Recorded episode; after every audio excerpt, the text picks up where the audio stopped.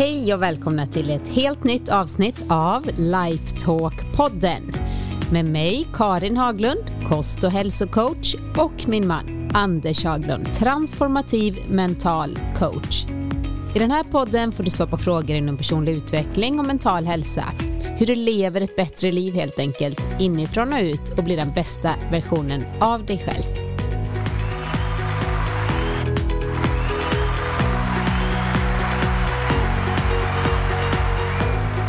Hej Anders! Hej Karin! Hur mår du Jo tack, jag mår bra. i sommarvärmen som det är idag? Ja, Och jag är lite extra, jag är lite eh, extra varm också för att jag kommer eh, direkt ganska från nyss från... IR-bastun. hade suttit och bastat i en timme i eh, källaren. Så är det. Men Jag är så rödkindad och fin här. jag är i alla fall nyduschad med lite varm. Ja. För du hade ju ingen rouge ganska... när man kommer ut därifrån. rouge? Vad heter det då? Nej, Rouge? det heter säkert så. Jag säger rouge. Ja, det heter nog rouge kanske. Jag Ja. vet inte. Jag har inte använt det så ofta. Inte så va? Ibland lånar du kanske mitt smink. Nej, det har jag inte gjort. Någon som gick på det kanske. Nej, nu ska vi inte flamsa här. Vi har viktiga frågor att besvara i den här podden. Mm. Och som vanligt så vet jag ju då inte vilka de är, utan det är sådana som du har valt ut av de som skickar in. Ja, den här frågan kanske du kan känna igen dig lite i. Jag kan känna igen mig i den här frågan. Eh, och säkert många andra. Den lyder så här. Hej, jag har nyss börjat lyssna på eran podd. Nu har jag en fråga. Jag undrar varför mina barn inte lyssnar på mig utan gör tvärtom emot vad jag säger. Och detta är från en frustrerad pappa. Mm. Nej, vi har ju tre stycken av dem. som inte gör som vi säger. Jo, ibland gör de det. Eh, Men ganska ofta gör de också Precis inte. tvärt emot. Det är som att Och- eh, prata med en vägg. Ja, speciellt när det kommer till skärmar och sånt där. Då är det inte så mycket man vill höra att nu har du faktiskt gjort åt din skärmtid eller speltid. Vi har i alla fall en av våra tre som heller inte hör när du säger så, om han sitter och spelar. Nej, Han han, är ju så inne lite i det. som jag är då. Mm. Det jag alltid var när jag var liten. Jag hade ju inga skärmar, men om jag låg och läste Kalle Anka eller om jag läste Modesty Blaze eller vad det nu var som man var intresserad av, så trodde ju inte mina föräldrar ens på att det var så att jag inte hörde. Utan det var ju, tog en stund när de fattade att de var tvungna att gå fram och peta på mig. Och det var ju lite samma när vi blev ihop. Att du trodde ju verkligen att jag ignorerar dig. Fast jag faktiskt inte hör alls. Hörde. Och nu har vi då ett Mm. av våra barn som verkar ha fått Mm. Men de andra är Samma. väldigt bra på att, men mamma, du måste ju gå fram och göra så här. Och så nu gör jag, men det säger inte ni vad jag gör för det är en podd, men med handen så här över, ja, framför ansiktet. Då, Va? Säger han då. Mm. Ja, och då kan man säga det man ville säga. Ja, eh, så är det ju faktiskt. Fördelen med det då, som har varit för mig, det är ju att vad jag än läser och vad jag än tar mig för så sitter det lite grann som på ett flugpapper. Vilket gör att man har bra minne och lätt för att lära sig saker när man då är inne i det. Kostnaden är ju naturligtvis då, det är inte speciellt socialt och trevligt när det verkar som att man totalt ignorerar människor. Och som då kanske inte är medvetna om det, utan verkligen tänker utifrån sig själva att så gör jag bara när jag inte vill höra. Istället för att jag faktiskt inte hör alls. Men eh, det här är ju inte nu om våra barn, utan Nej, nu handlar det om det här med ska vi hjälpa den här pappan till lite mindre frustration? Känner jag är nummer ett. Och sen kan vi också prata lite om eh, varför gör inte barn alltid som, som man vill eller som man Nu, säger? nu vet jag inte hur det är för den här pappan, men jag tror att man behöver ha ett lite längre filosofiskt perspektiv på det. Och kanske inte fundera så mycket på precis vad som går in idag, utan vad man skulle vilja går in för livet. Jag försöker påminna mig om det. Jag vet, jag såg en undersökning där det stod något i stil med att uppfostra ett barn från födsel till 20 år eller när de nu väljer att flytta hemifrån har ungefär vad det nu var, 450 000 kronor i skadegörelse. Något ska krocka en bil och de ska slå sönder ett antal telefoner och de ska göra vissa saker. Det intressanta som slog mig när jag såg det är att vad spelar det för roll hur mycket det är idag då när det ska bli ungefär så mycket över hela tiden? Det är klart det är mer frustrerande om det händer något stort som när barnen då dunkar sin telefon på något ställe och så plötsligt får man lägga ner 3000 spänn till på att byta en ett glas eller vad det nu kan vara. Och Det är inget man vill ta i dessa tider med höga räntor och allt vad det nu än är. Man har ingen lust med det. Det är många som känner att det kanske ligger på marginalen och känner att nej. Men det är lätt för oss att vi blir frustrerade i paritet med hur dyrt det är som händer så att säga. På samma sätt är det att vi ställer upp i våra tankar vad vi tycker är viktigt att de ska förstå. Och Det är inte säkert att de förstår det idag, men man märker att något går in. För ganska ofta i varje fall, när våra barn är borta hos andra, så kommer de ju tillbaka och så får man den där, gud vilken artig kille ni har. Eller oj, vad trevlig och sådär. Man tänker, vem har du haft hemma hos dig och vad har du gjort med han som brukar vara med oss?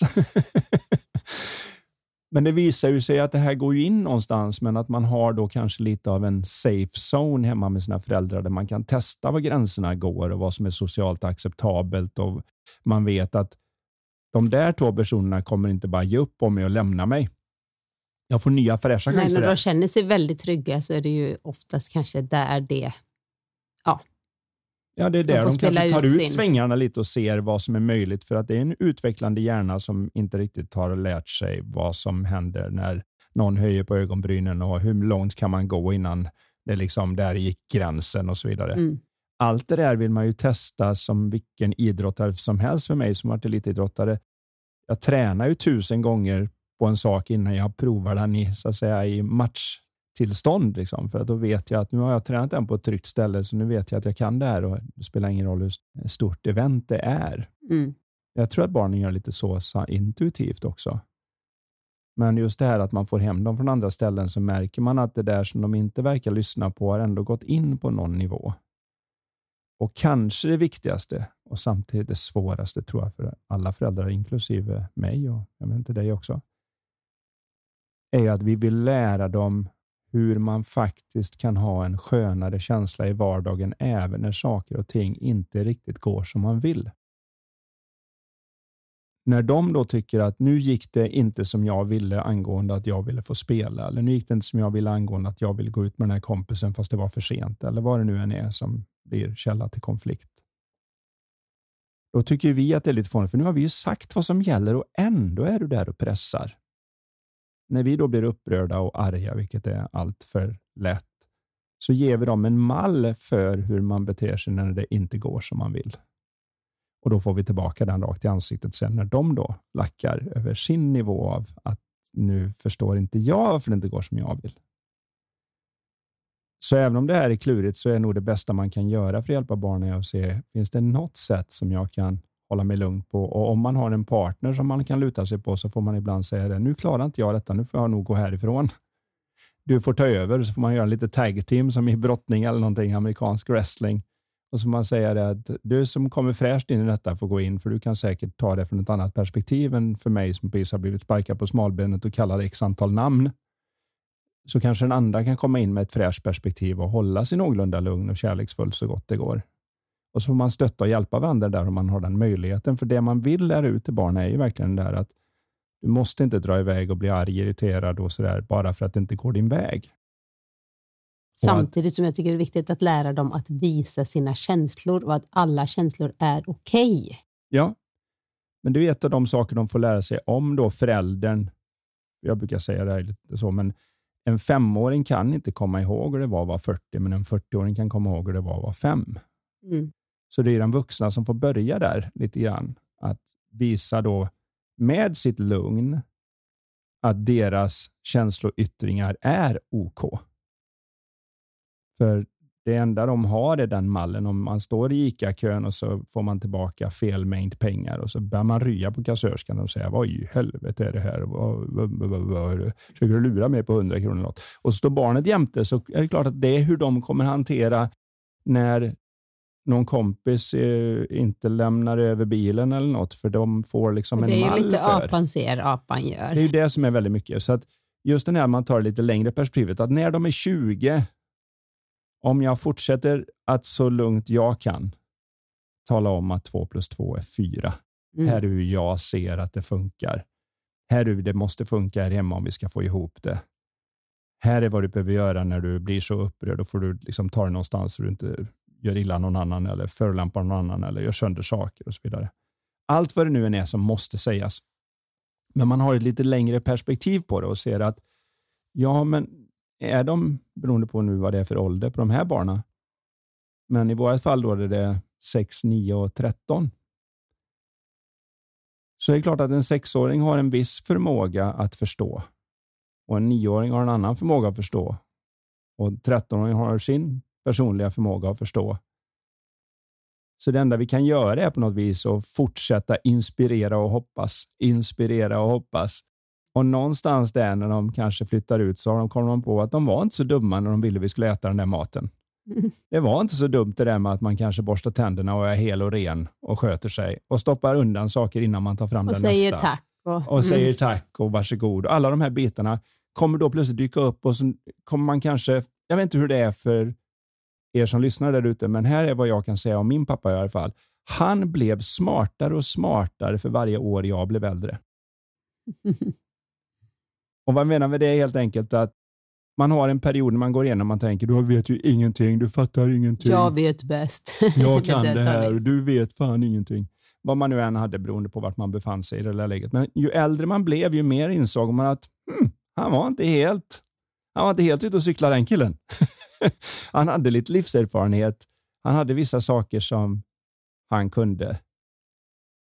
Och Det dyker upp senare när man så att säga är mogen för det på samma sätt som när du ber en treåring att knyta en rosett så kommer det bli extremt svårt för det finns vare sig den kognitiva förmågan att ta sig an eh, det spatiella rummet och klara av att förstå hur en rosett fungerar och det finns inte dexteriteten i fingrarna för att klara av det rent muskulärt än. Man kanske inte heller så... klarar av att ta instruktionerna Nej. som man ger för att Nej. knyta recept. Men Först man kanske ändå säger att in den här och runt den här och titta här. Och sen plötsligt när de då är fem, sex eller vad när det nu är det klickar till att man förstår det där. Ja, då är det som att ja, nu kan jag. Nu, mm. nu, går det bra. Så man visar hela tiden vägen fastän de inte kanske gör som man säger. De kanske inte förstår. De kanske gör tvärtom, men man fortsätter visa på det här är rätt. Eh, för att det är så lätt annars att fastna i så här, gör inte så här, gör inte det. Vi har ju sagt att du inte ska göra så, istället för att tala om, vi ska göra så här. Hoppsan, det var så här vi skulle göra. Och också jobba med förståelsen för hur kom vi fram till att det var så man ska göra? För säger man bara häng upp jackan, varför? varför det är smidigare att den ligger här. Mycket lättare att bara glofsa av med den som en våt hund, låta den ligga på hallgolvet tills jag ska plocka upp den och åka ut och skejta igen eller vad det nu är för något. Och Då börjar man kanske se den då, ja men när alla gör det då blir det svårt att hitta och så hittar inte jag mina grejer och så ser det inte bra ut och det är svårt att komma in och ut med andra saker och allt vad det nu kan vara man kan snubba. När man väl börjar förklara sammanhanget för dem så blir det lättare att ta tag i det när de väl, för det vi är ute mm. efter är att se att alla människor, de tittar över hela historien, hela den mänskliga historien, inte bara över att någon växer upp och blir uppfostrad, så är det så att varje gång vi förstår bättre kan vi göra bättre. När vi inte såg vår plats i universum utan verkligen trodde att jorden var i mitten och allt som fanns var det som satt på ostkupan ovanför och vi trodde att stjärnorna var ditsmackade av Gud. Smack, smack, smack, smack och solen gick upp och solen gick ner och försvann och så kom det kometer och allt vad det nu var. Med den förståelsen hade vi mycket vidskepliga saker för oss. Där vi offrade getter och grisar och gjorde konstiga rörelser och sa vissa ord i en viss ordning och hoppades det skulle hålla oss safe för framtiden. Och sen plötsligt förstod vi bättre. Copernicus och Kepler och Galileo Galilei, de här som listade ut hur sammanhanget faktiskt var och hur vi åkte runt solen i vårt lilla solsystem och att planeten snurrade och därför blir det dag och därför blir det natt och därför blir det vår och därför blir det sommar och så vidare. När vi väl förstod den så försvann rädslan för så mycket därför att på den nivån av förståelse blev helt nya saker möjliga. Om vi tar ner den på barnets uppväxt så är det samma sak för ett barn. att De har en förståelse för hur saker funkar där de har ingen möjlighet att se att men mamma är bara lite låg just nu så att hon tar nästan allting lite hårt. Nu blir det en småsak. Nu är det plötsligt så att när mamma är låg och man spiller, då är det liksom, åh, orkar inte mer. När mamma är på bra humör och man spiller så är det här är papper till dig och här är papper till mig och så torkar vi tillsammans. Titta, det gjorde vi ju jättebra. High five på den! Men det har att göra med humöret. Men det har ju inte fyraåringen någon möjlighet att ta in, utan de ser ju bara att mamma rycker bort kärleken ibland och jag vet inte varför. Jag har ingen aning varför det blev så här. Och samma sak när eh, pappa då höjer rösten eller försöker få någonting att hända och tycker att nu har jag sagt till tre gånger så händer det inte. Nu är det orespekt. Nu har jag så här, så här rätt att bli ilskna till lite grann och tycka att får det vara nog. Nu får ni fatta. Hur många gånger ska man behöva säga samma sak egentligen? Och när man är på bra humör så säger man, är du inne i ditt spel eller? Hallå? Du, eh, jag bad dig faktiskt att sluta.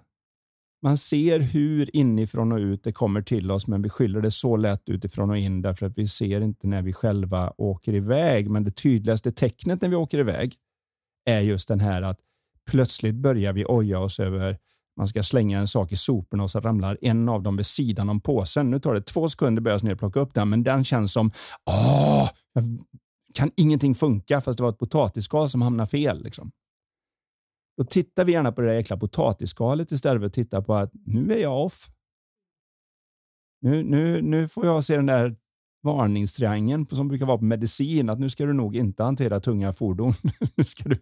Och Jag tänker tyvärr är det så att småbarnsföräldrar behöver ha sina utvilade glada mammor och pappor, men många idag är ju sömnbristade, kanske stressade, när de stressade över ekonomi och krig. Och, alltså det, det är så synd egentligen, för jag tänker evolutionsmässigt har vi nog aldrig varit så ensamma som vi är idag med att uppfostra barnen.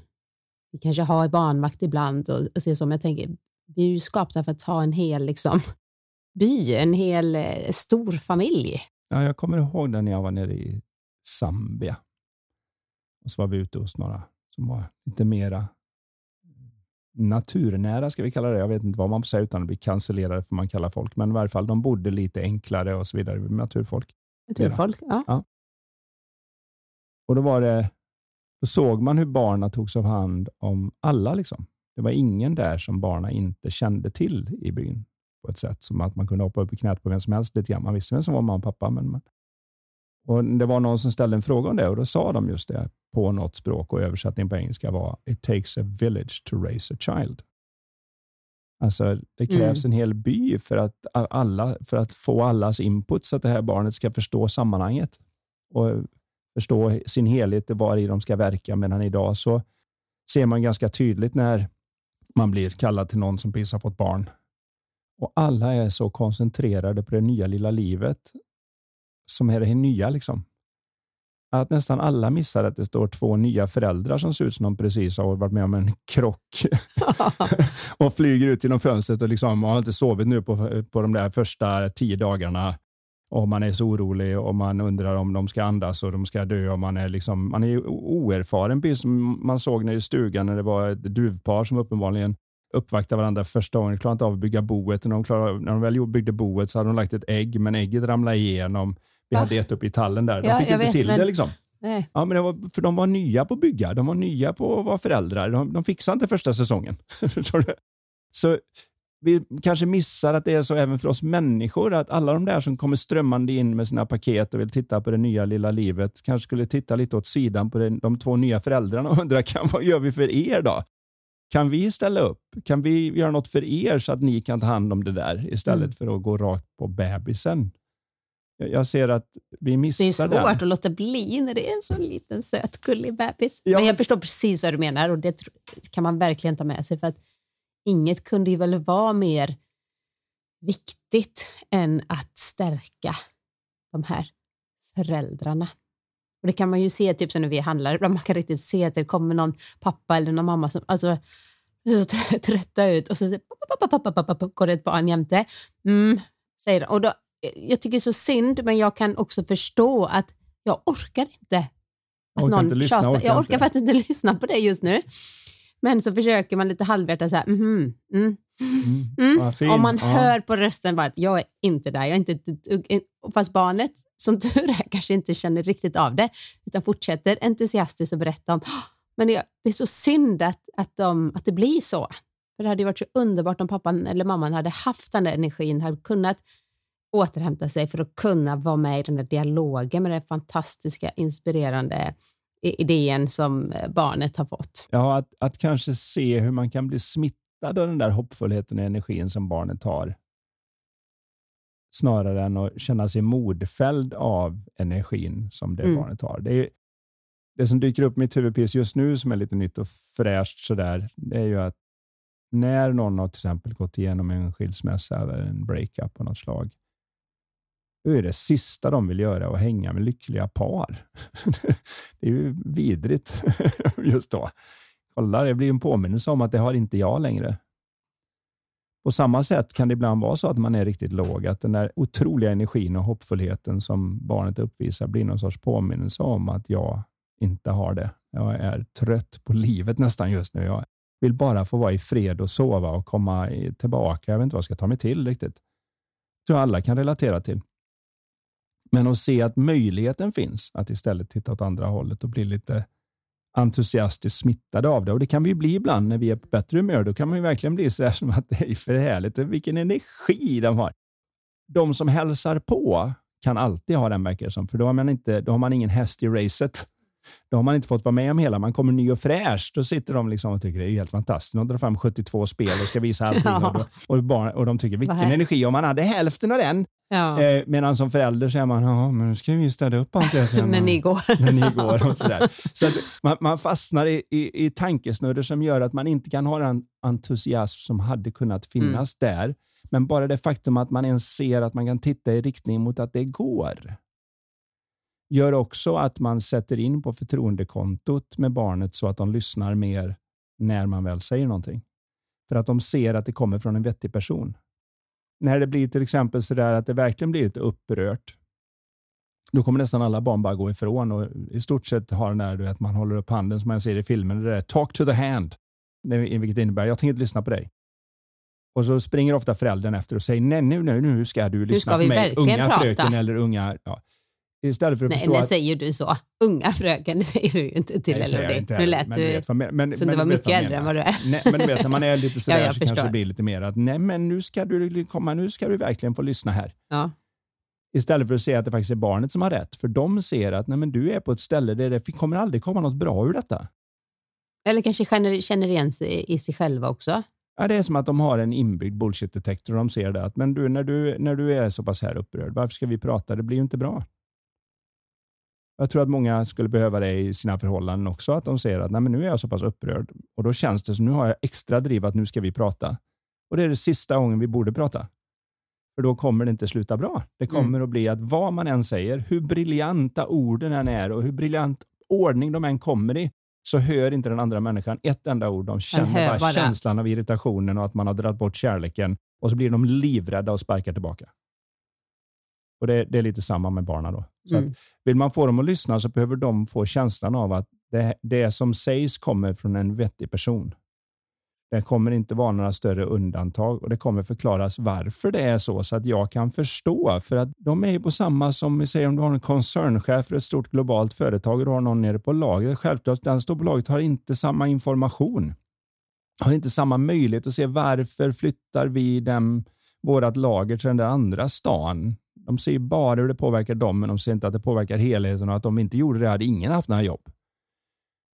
Det är inte alltid att det är så, men jag säger bara som ett exempel nu, som en metafor för det här, att det är samma sak i relationen mellan förälder och barn. Att föräldern blir ofta frustrerad över att barnet inte verkar förstå deras perspektiv. Men hur skulle de kunna det? De, är inte, mm. de har ju inte det perspektivet. De vet inte vad saker kostar, de vet inte hur jobbiga de är att laga. De vet inte vad, hur mycket det strular till sig med den här tiden. sig själv om det. De har ingen uppfattning om hur lång tid tio minuter är när man säger nu är det tio minuter vi ska åka. So? Mm. De vet väl inte vad tio minuter är än. Ta Elodie som du nämnde här innan. Hon kan ju säga det som igår, hon skulle till en kompis. Och så frågade hon hur lång tid är det kvar och sa ja, men nu är det ungefär 20 minuter. Och då säger hon hur lång tid är det? Jag sa ju det precis. men det är för, hon, hon, förstår, hon förstår ju inte vad det är för en typ av tid, så man får, man får liksom försöka relatera till någonting. Men då blir det svårt också, för hon vet ju, när hon gör någonting hon tycker är roligt så är 20 minuter pop, borta. Mm. Och när hon ska göra någonting som är tråkigt så är 20 minuter en evighet. Så tid är lurigt. Men vi får för oss att de ska kunna liksom titta Vi ska vara så som på klockan och säga det att nu ska vi åka om fem minuter. Och så kommer man upp efter fem minuter och säger, har du inte ens tagit på dig? Och de är ju som, varför det? Ja, men jag sa ju fem minuter. Ja, men jag vet inte vad fem minuter är och jag var inne och leka med det här. Så, så det är så mycket frustration som skulle kunna undvikas genom att ha lite mer förståelse. Mm. Och via förståelse kan man komma till en viss ödmjukhet. Och via ödmjukhet kan man komma till ett förtroende. Och med förtroende så är nästan allting möjligt. Om man så att säga har det I förtroendet alla fall med en annan väldigt människa. mycket enklare. Ja, ut, men i varje fall kan vi säga så här, utan det blir allting nästan omöjligt. Mm. Men kan det inte också vara så att olika barn har lite olika? En del kanske är sån här pola- polarity responder som Mm. Nästan går, vill göra tvärtom mot vad man säger. Framförallt om de känner att det finns en edge av att nu vill jag bestämma att du ska göra det här och då Mm. vill de gärna göra tvärtom. Jag kommer ihåg när barnen var mindre, så ibland fick man liksom lekfullt säga så här, nej, nej, ät nu inte upp den här maten. Vadå? Vadå? Nej, men ät inte upp den. Då kommer ni bli jättestarka. Och Rör inte broccolin bara. Den kan, den kan du, mamma, den vill jag ha. Rör inte broccolin på tallriken. Ja. Då tycker de att det är jättekul. Liksom, lite sådär. Man kan ju inte hålla på så jämt. Men Den funkar ju ungefär lika länge som de tror på tomten. mm, de är- genomskådar det sen. Sen genomskådar de ju den och så ser de oftast vad det är man försöker göra. Även om det kan då och då funka. Det kan även funka på vuxna ibland. Att man styr dem med det där att det där ska du absolut inte tänka på. Och vad är det första man tänker på? För det är som att säga, tänk inte på blått. Tänk nu inte på blått. Allt du har i huvudet är Eller blått. typ så här, ja, jag har en, nej jag kan inte säga det nu faktiskt. För att, ja, nej, men jag kan bara inte säga det. Va? Vadå, då blir man jättenyfiken. Mm. Jag tror man kan säga precis som det är till dem, att det här är hur jag skulle vilja att det fungerade.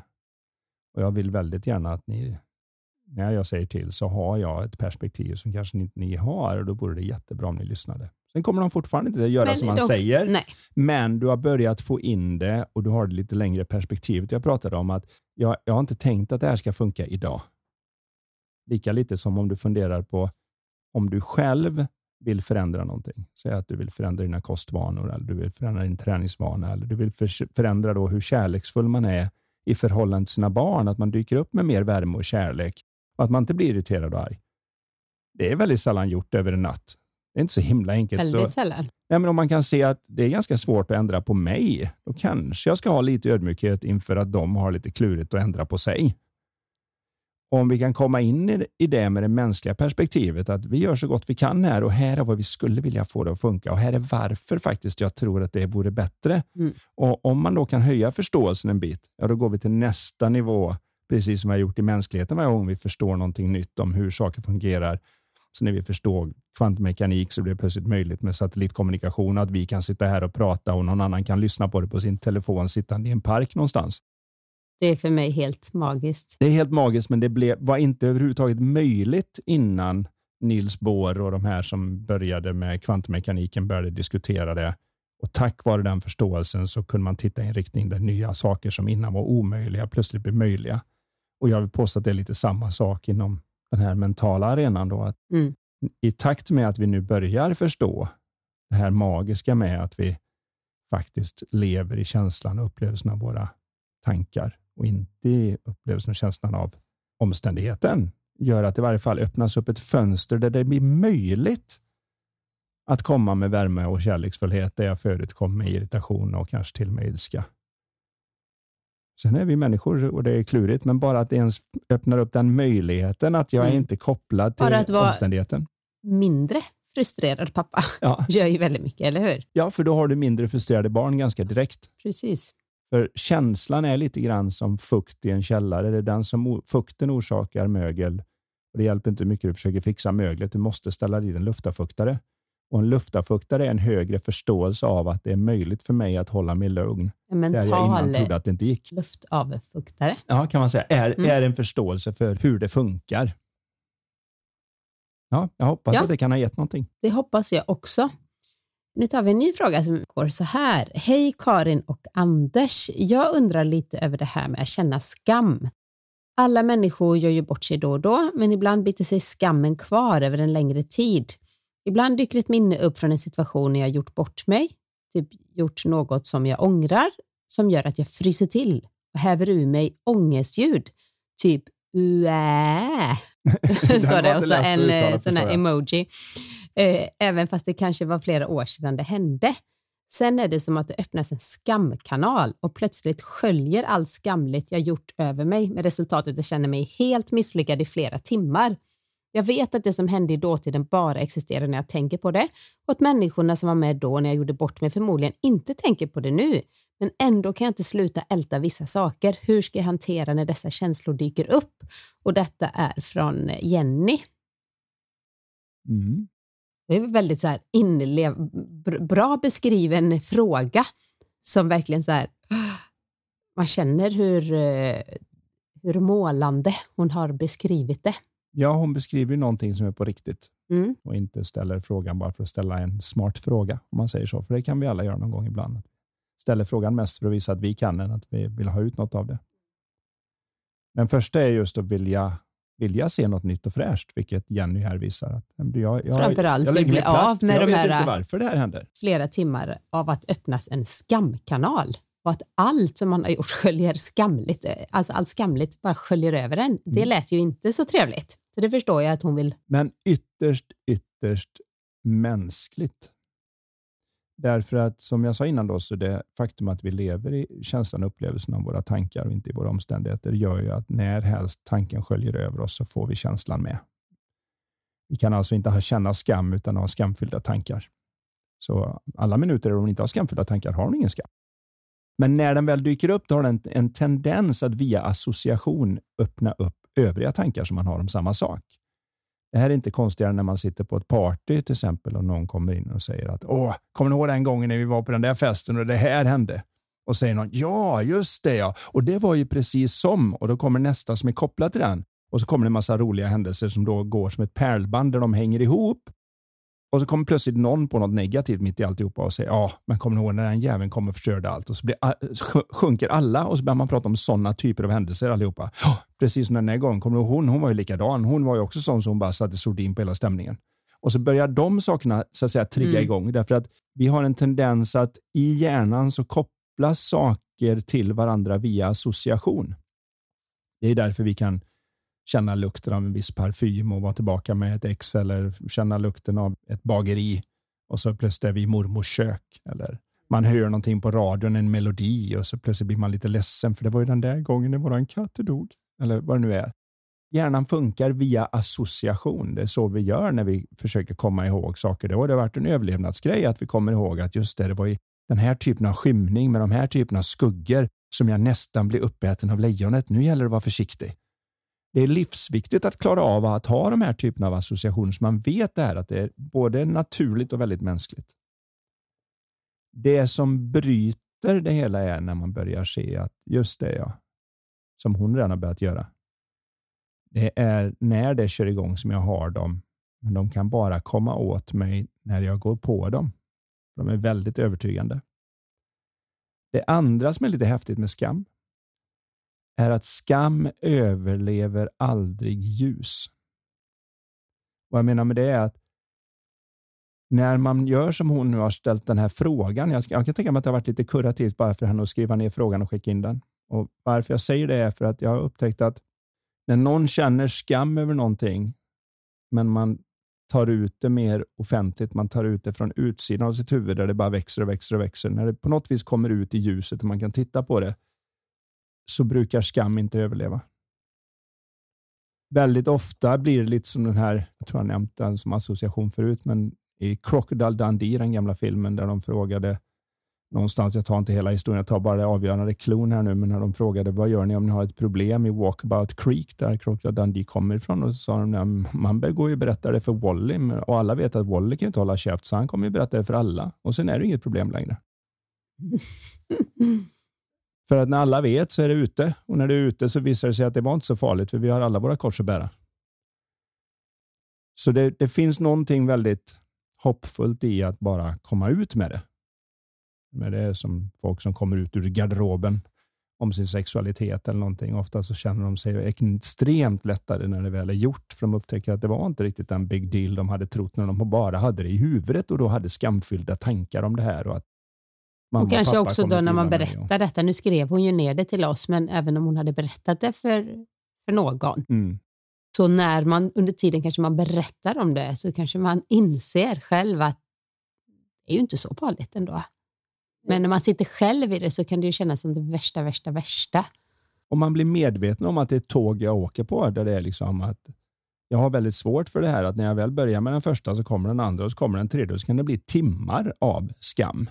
Mm. Och där jag då konstant jämför mig med hur jag har någon idealversion av mig och den lever jag inte upp till och därför är jag kass. Och så plötsligt så inser man att hela den konstruktionen gör jag i mitt huvud. Både idén om hur bra jag är och hur dålig jag är och jämförelsen mellan dem. Allt det sker mellan mina öron.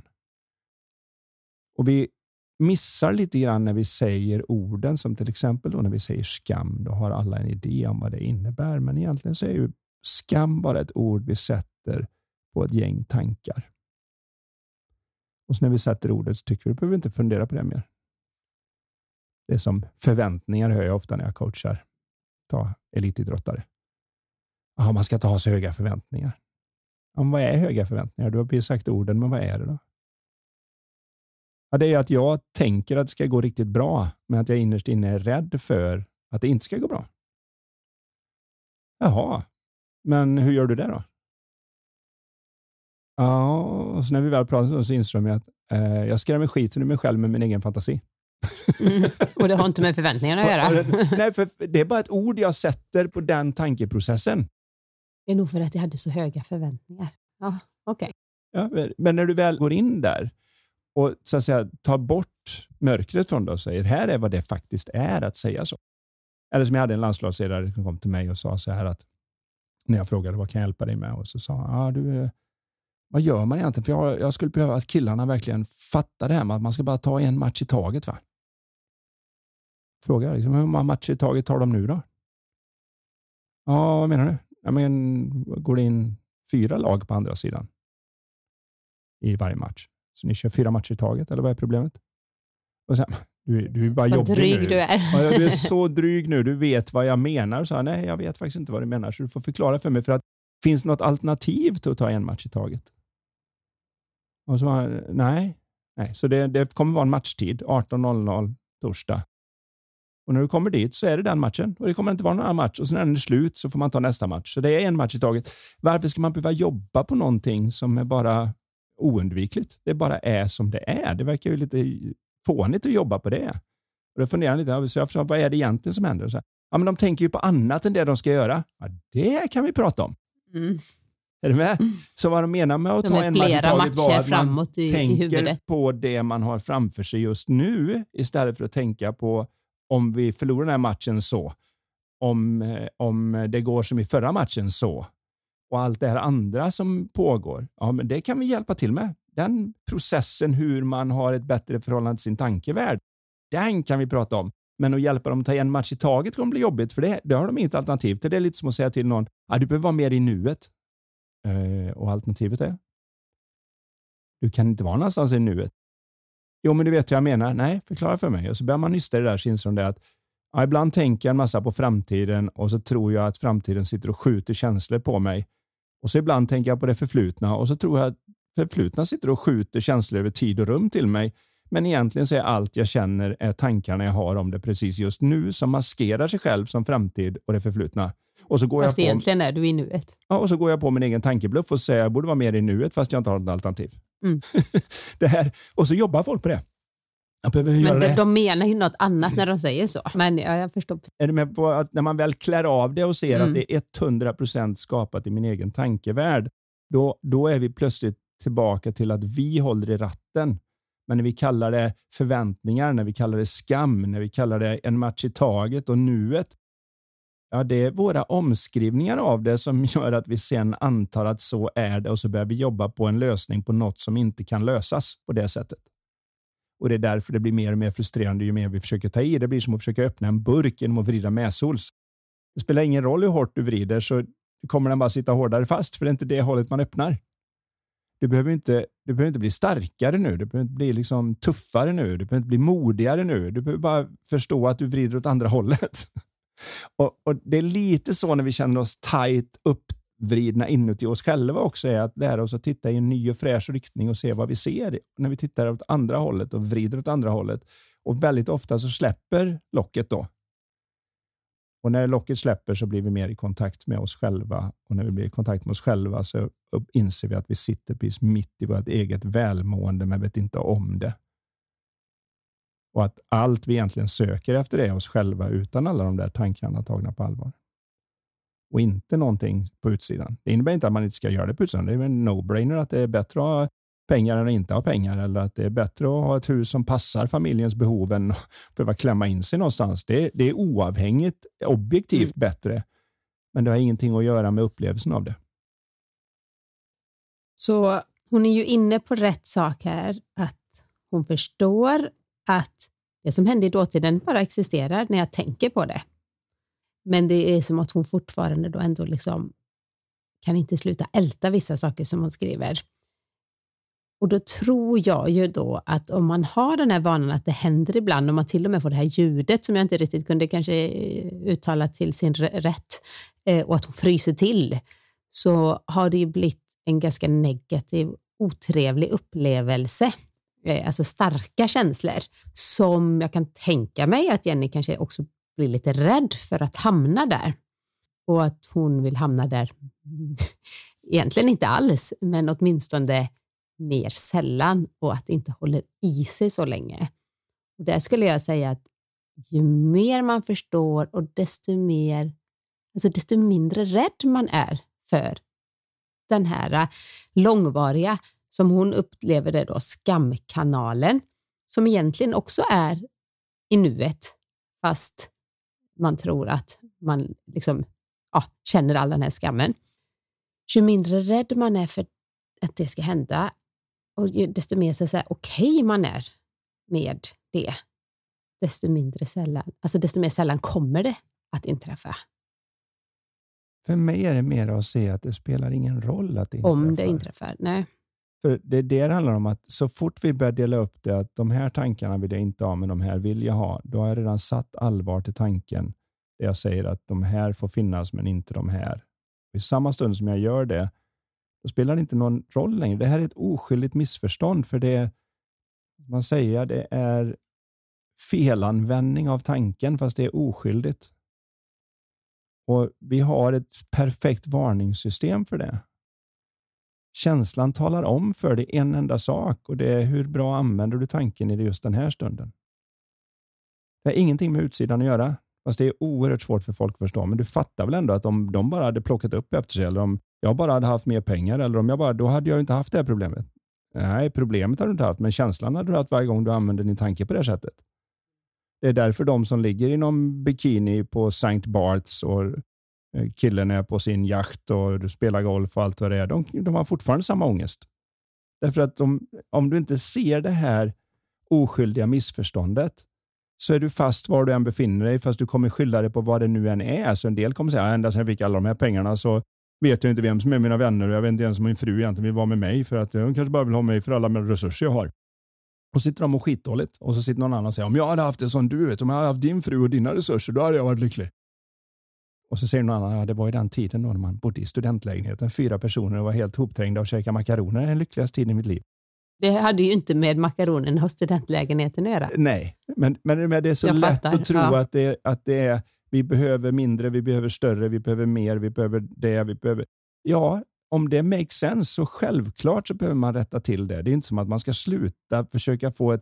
Ändra omständigheterna. Ändra omständigheterna bara för att man fattar att min upplevelse inte kommer från dem. För de är objektivt så är det vissa omständigheter som är bättre. Vi, har man tre barn så, som växer så vid ett tillfälle så kommer man behöva tre sovrum och har man inte tre sovrum så behöver man göra något för att se om man kan få till det.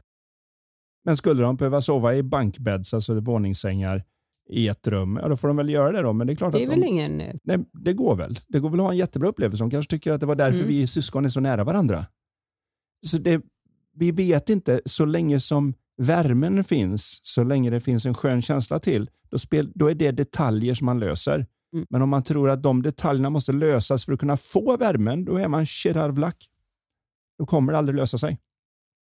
Då kan du få Då kan du kryssa i varenda grej som du tror ska göra det och så när du har kryssat i alla dem så är det fortfarande inte bra. Då hittar du bara något nytt att fixa med. För du tror det kommer därifrån. Mm. Det här är det oskyldigaste av alla missförstånd. Och om man kan se den, alltså att man ser vem, hon har ju börjat se det här, vem det är som tänker det hon tänker. Mm. Men det viktiga är inte att se att jag ska kontrollera det eller bli av med det. Det viktiga är att se att jag behöver inte ta det på allvar och jag har gått ner den här vägen förut. Så jag behöver inte bli av med det. Det kan få hänga där som bakgrundsmusik i hissen. Eller... Skamkompis. Ja, men det är ju som va? Nu skamkompisar. kommer skammen. Jag vet, ju. Kanske kommer det trevligare ljud då. men jag vet vår kollega Michael Neal som jag haft och jobbat en del med och sådär, när han berättade om sin tidiga depression och självmordsförsök och annat som han hade i ungdomen och hade extra svårt med det just därför att hans föräldrar hade det bra. De var trevliga, kärleksfulla, hade allt möjligt. Jag tror den ena var ingenjör och den andra var professor i kemi eller något sånt där. Och de tjänade bra med pengar. Allt var bra och så blir det extra jobbigt då. Varför har inte jag det bra? Men jag kommer ihåg när han beskrev hur han kom ur det och det plötsligt blev att han inte slutade tänka självmordstankar utan mer att han, när självmordstanken kom så blev det mer som att kolla där, där är ju självmordstanken. Just det, det är den där, så när man tar den på allvar då går det riktigt åt Känns det, pepparn. ja. Det är jättejobbigt. Det är den där. Men det var inte som att bort, bort, hjälp, den kommer nu. Mm. Utan det var mer just den här förståelsen för Nyfiket. att, ja, men det är bara just det, det där är självmordstanken. Och jag hade precis den upplevelsen med en tjej jag hjälpte som hade bulimi. Det, jag kollade efteråt och hon sa att ett av de svåraste tillfällena var när hon skulle ut och äta med familjen eller kompisar. För att det första hon gjorde var att hon gjorde som en James Bond-film av hur kan jag sitta för att kunna lägga mat i plantor och hur kan jag gå ut på toaletten och stoppa fingrarna i halsen. Allting handlade om mat, så hon hade ju ingen upplevelse av resten, för allting kretsade kring hur kan jag få det att verka som jag äter men ändå bli av med maten så att jag inte och så vidare. Och så kanske när hon kom hem så var hon jättehungrig för att hon inte hade ätit tillräckligt och så tror det det här med det hade gått så långt hetsätningen. att det kanske stängde av och så vidare, för hon var ganska illa däran när jag Då är det kanske mer anorexi. Ja, men det var bulimi, för då är det ju den här man äter och så kräks man upp det. Ja, men det. också hetsäter. Ja. Ja, man hetsäter, men du kräks oftast upp det igen. Så Mm. att, då, så att du, du gör det mer för känslan av det och sen så har du lite skam till exempel. Och så Blä, upp med den. Men för henne då när det trillade ner, när vi hade den här diskussionen, jag kommer ihåg, vi pratade säkert fyra, fem gånger utan att det kändes som jag gjorde några så att säga, framsteg alls. Och så såg jag plötsligt när hon slappnade av och så frågade jag, varför slappnar du av nu? Liksom? Så jag, vad var det som hände? Jag fick, såg någonting och så, men det känns så löjligt. Och då vet jag att det är något på riktigt. För när det kan förklaras som stort är det oftast inte så stort. Utan hon sa det känns så löjligt. Han förklarade för mig. Jag vet inte. Plötsligt när du, med, medan du pratade här så insåg jag att jag har ju varit olycklig smal och jag har varit olycklig tjock. Min vikt har inte med detta att göra. Nej, nej. Och det är ju bara min tanke om det. Jaha, sa jag. Och så till honom, jag, vi behöver nog inte träffas mer. Så sa han, nej, men jag vill gärna kolla lite. Och så har du något sånt där tillfälle som du innan skulle tyckt var svårt, vilket då inom NLP och annat kallas för future pacing, när man går fram och kollar i framtiden hur hon tror det kommer gå, Mm. för att säkra upp det lite grann. Och Då sa hon, ja, men jag ska ut nästa vecka, vi har redan bokat och så vidare. Ja, men då kan vi inte vi höras efter det så får du berätta bara hur det har gått. Och då berätta, frågade jag liksom, hur gick det? Hon sa, jättebra. Jag sa, vad var skillnaden? Men det var jättekonstigt, för det var egentligen ingenting som hade ändrats. Utan så fort jag började närma mig restaurangen så började tankarna, James Bond-tankarna komma på hur jag skulle lösa det hela. Sa, vad hände då? Nej, men det var ju som att det är bara bulimitanken. Hon gick inte till handling eller tog inte det så allvarligt. Nej, och började inte analysera och fixa och dona med den heller. Nej. Och försökte inte kämpa emot den. Utan det var bara som att, ha, där är den ju. Lite som när, man, när vi går på djurparken. Mm. Det är ingen som, man går inte bort till giraffen och säger, det var en för jävla lång hals. Eh, vad är det för konstigt djur? Utan man, man tar liksom bara in det som det är. Kolla en giraff. Kolla en noshörning. Man säger, vad är det för en tjock rumpa? Hur kan den leva med sig själv? Nej, men, Ja, men, du förstår vad jag menar nu? kanske är någon som går runt på djurparken och är så. Nej, jag tror faktiskt Nej. ingen gör det, utan man tar bara in det för vad Ja. det är. Och så lite fascination också. Åh, Ja, giraff, titta det- hur den äter. Eller titta på noshörningen. Och fascinationen ligger inbyggd i att jag tar det som det är. Jag har inga extra tankar om det. Mm. Och Det är det som händer då när Michael pratade om att åh, det är ju självmordstanken. Eller när hon pratade om ha, det är ju bulimitanken. Så vi får önska att Jenny får lite mer fascination över de här. äh, Ja, den kommer, den kommer inbyggd i att hon ser Att de behöver inte kämpa med det här riktigt lika mycket och att det kan få hänga kvar och plötsligt är de där timmarna som innan var lite ångestladdade mera fascinerande. Alltså wow, att jag, min hjärna kan få till det där. Och sen... Och sen inte ens släppa den. Det är ju galet mm. vad häftigt det är. Jag tänker man kunde haka tag så när jag får tag i ett projekt på jobbet. Bara, mm. Och vägrar släppa den på fyra timmar och så har jag fått jättemycket gjort. Jag ser inte saker och ting som rätt och fel. Jag ser dem mer som användbart och inte användbart. Och när vi förstår bättre så gör vi bättre. Very good. Apropå, får jag göra lite reklam, Anders? Om jag ja, säger nu här att nu gör jag lite reklam för egen verksamhet, för det är som så att eh, jag har precis släppt min nya kurs, Gröna köket. Mm. Mm. Och till och med, idag är det fredag, till och med, eh, alltså fredag när podden släpps, till och med nu på söndag den 4 juni. Alla som köper kursen då, kostar 1495, man har tillgång i ett helt år, får dessutom två av mina böcker på köpet skickade till Oj. sig inom Sverige idag. Vilken det är deal. grönsakskärlek och Karins frukost. Det är du. Det är du. Det får ni passa på med. Ja. Tycker jag. Och, nej, men det är massa nya recept som i den här nya kursen och ja, men helt enkelt hur man förändrar sitt liv med växtbaserad kost och matlagning. Inte fel. Det hoppas jag att alla tar vara på såklart. Ta vara på det nu innan söndag och eh, signa upp dig. Även om du känner att det inte är precis rätt tid nu så kan man börja med någonting om man har ett helt år på sig att få, i lite mera, alltså få in lite mer växtbaserad kost och regnbågsmat i sitt liv. Nu verkar det som att du sitter Nej, men jag funderar på om vi ska ta en till fråga. Hur känner du? Ja, men varför inte? Vi kan... De kan väl pausa eller stänga av om de tycker ja. att vi har hållit på för länge redan. Eh, hur hanterar man väderångest? Kommer vi in lite här på ångest igen. Mm. Eh, vi är ganska beroende av vädret och särskilt med tanke på olika utomhusaktiviteter som är inbokat och så vidare. Märker att jag påverkas mycket av väder och speciellt när det plötsligt svänger om och inte alls blir så bra väder som man hade hoppats.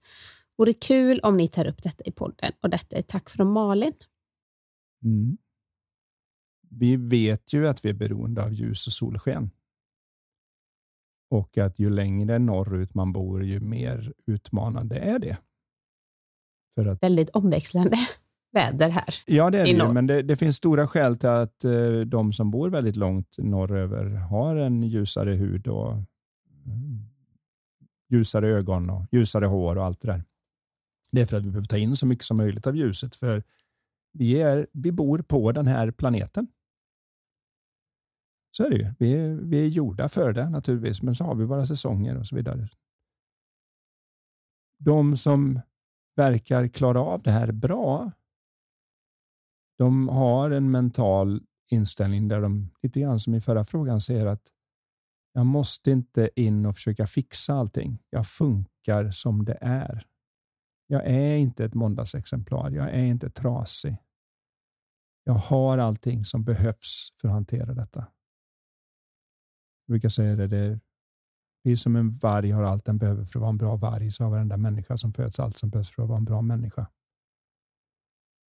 Och att självklart kan det finnas vissa saker som man behöver göra på utsidan. Då. Det är en del som behöver, jag menar, flyttar du till Sverige från ett sydligare land så kommer du behöva ta D-vitamin. Och även de flesta svenskar på vintern behöver det också. Om man inte sticker iväg till Thailand.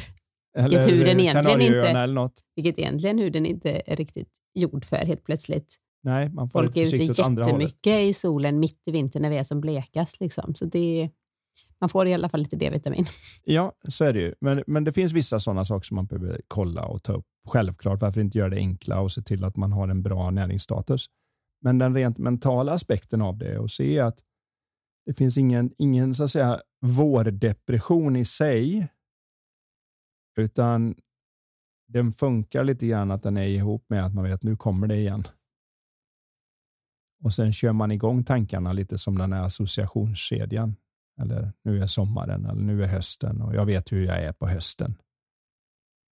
De gjorde undersökningar med barn där de visade att jag tror det var Piaget, han är någon sorts gigant inom just det här med utbildningspsykologin, som hade gjort en undersökning där han gav ett antal ungar ett antal siffror som stod jämte dem och eh, lärarna fick för sig att det där var en utskrift av intelligens, men det var skåpsnummer.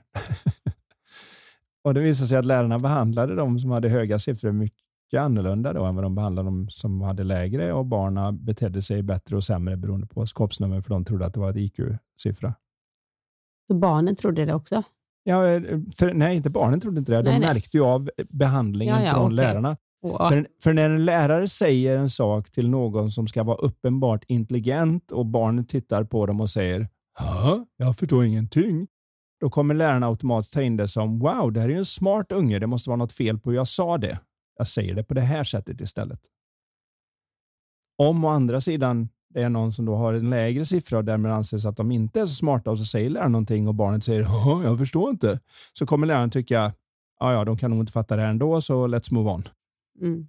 Så, Tyvärr. Ja, men alltså det, det, är en omedveten sak. Det är inte att någon de säger det medvetet. De är inte elaka nej, nej, på något sätt. Utan... Inte alls, utan det är bara att när vi antar, om, jag, om vi hade suttit och pratat med Einstein och så säger mm. jag något till Einstein och så tittar Einstein på mig som jag fattar inte vad du säger nu, så skulle jag automatiskt gå in och säga nej, det är nog sant, jag sa nog inte det riktigt vettigt, låt mig säga det på det här sättet. Mm. Men om jag pratar med någon med mycket mindre uppenbara eh, kapaciteter att förstå saker, vad det nu än är, säg att jag pratar med en hund. Och så försöker jag förklara och så tittar hunden på mig så, va, va, va, va, va, va, så kommer jag inte ställa mig och försöka förklara på tre andra sätt, för jag vet att det kommer mm. inte gå in ändå. Så vår tankeförberedelse inför saker har en väldigt stor inverkan på hur vi tar dem. Så det är självklart att den som inte ens märker att det är så att säga vår, sommar och höst mer än på att vädret och att man byter kläder och lite annat sånt där. De har förmodligen väldigt lite tankar om detta. Men jag vågar garantera... Ganska lite ångest om det. Ja, ja det får du automatiskt. Ja. För eftersom vi då lever i känslan och mm. upplevelsen av våra tankar så kommer vi alltid ha problem med det som vi tänker mest på. Och den som har väderångest tänker förmodligen väldigt mycket på vädret. Men jag, och, och det verkar ju som att det är, säg typ nu då, utomhusaktiviteter, så kanske vi säger det är inte så ofta man gör det på vintern. Och det kan det ju vara i och för sig att man ska ha bestämt att åka pulka och så är det barmark, det finns ingen snö. Men om vi säger att man ska ha studentfirande i trädgården och sen just den dagen så är det 12 grader och regn. Förstår du vad jag menar? Just det här med att vi är ju ganska beroende av vädret här för att planera och det märker man ju bara. Vi har haft fantastisk helg nu med så fint väder och vi var faktiskt kvar här i stan i Borås då, för er som inte vet det, vart vi bor. Och, och när man går ner på stan, som vi gjorde i lördags, och det är så mycket folk och folk är så mer chill och avslappnade och de sitter på uteserveringar och barn leker på lekplatser sent på kvällen. Och, alltså det är så mycket enklare att vara social och, och det, alltså för vädret gör det enklare. Ja, men bara tänk på hur lite tid det tar att komma ur farstun med barnen för oss då som har, har ett antal barn som Jag tänkte faktiskt på, på, det i morse nu när vi körde dem till skolan, när jag körde dem till skolan, att ingen behövde ha jacka. Det var redan 17 grader på morgonen. Mm. Ja, shorts och t-shirt och så ja, då åker och vi. Och ett par skor som man i stort sett bara trycker ner fötterna i och går iväg. Ja. Istället för ett par kängor och eh, regnställ och ah, ja. vet, tjocka jackor och hela, hela tamburen är upptagen av allt det där. Självklart är det mycket enklare. Återigen så mm. vet vi också att man många gånger på vintern har en fantastisk upplevelse. Ja, precis. Det Men det är väl vi... just det här skiftet då, att kanske man planerar någonting och, och sen så bara kanske man ja, de märker dagen innan man kollar vädret att nej, nu ska det helt plötsligt bli den här viktiga dagen eller eh, ja. Så därför får man väl när man planerar när man bor i ett sånt här land. Menar hon att det var väderpåverkan just på ja, grund av att nej, men väderångest just för att vi, vi, är ganska beroende av vädret och särskilt med tanke på utomhusaktiviteter som är inbokat.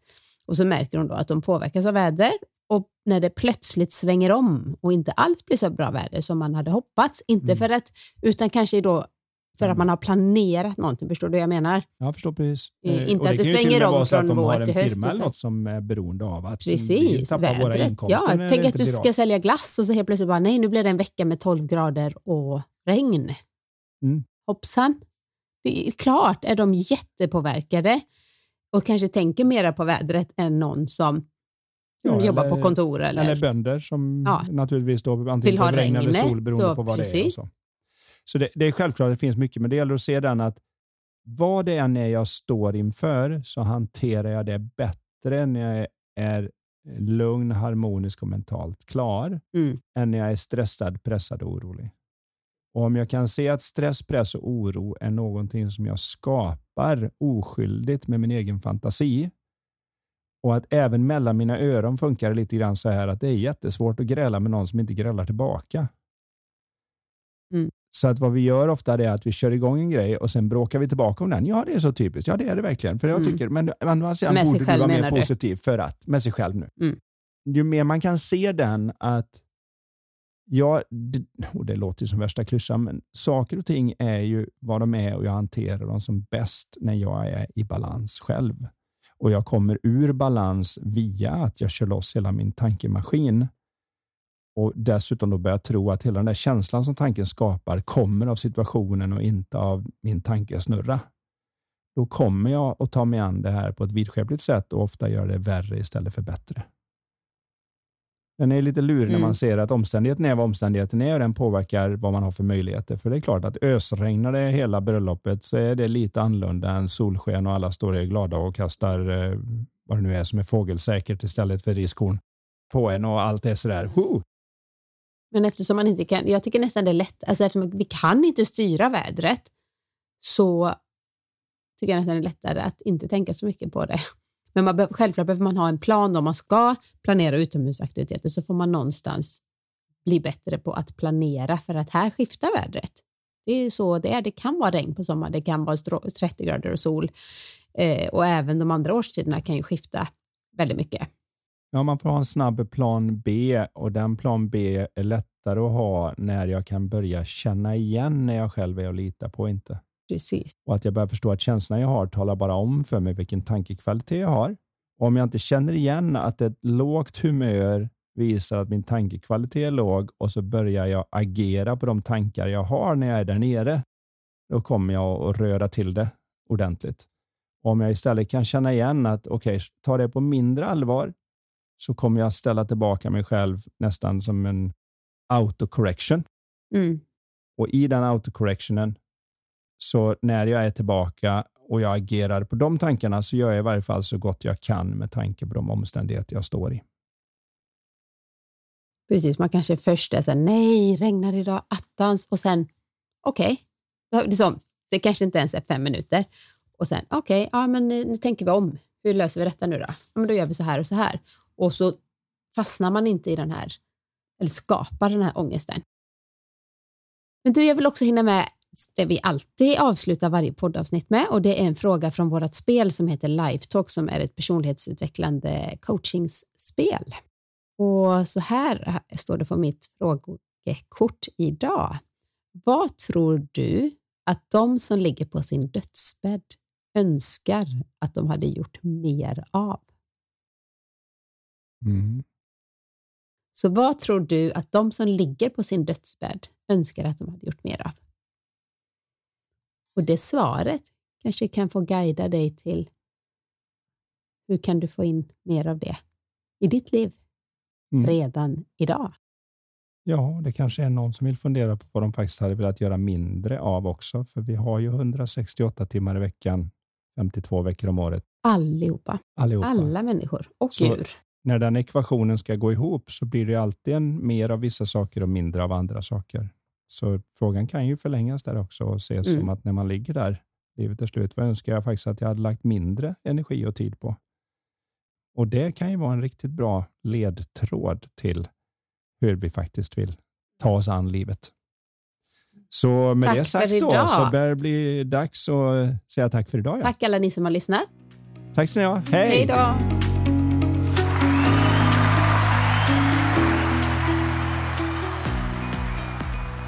Du har lyssnat på Lifetalk-podden.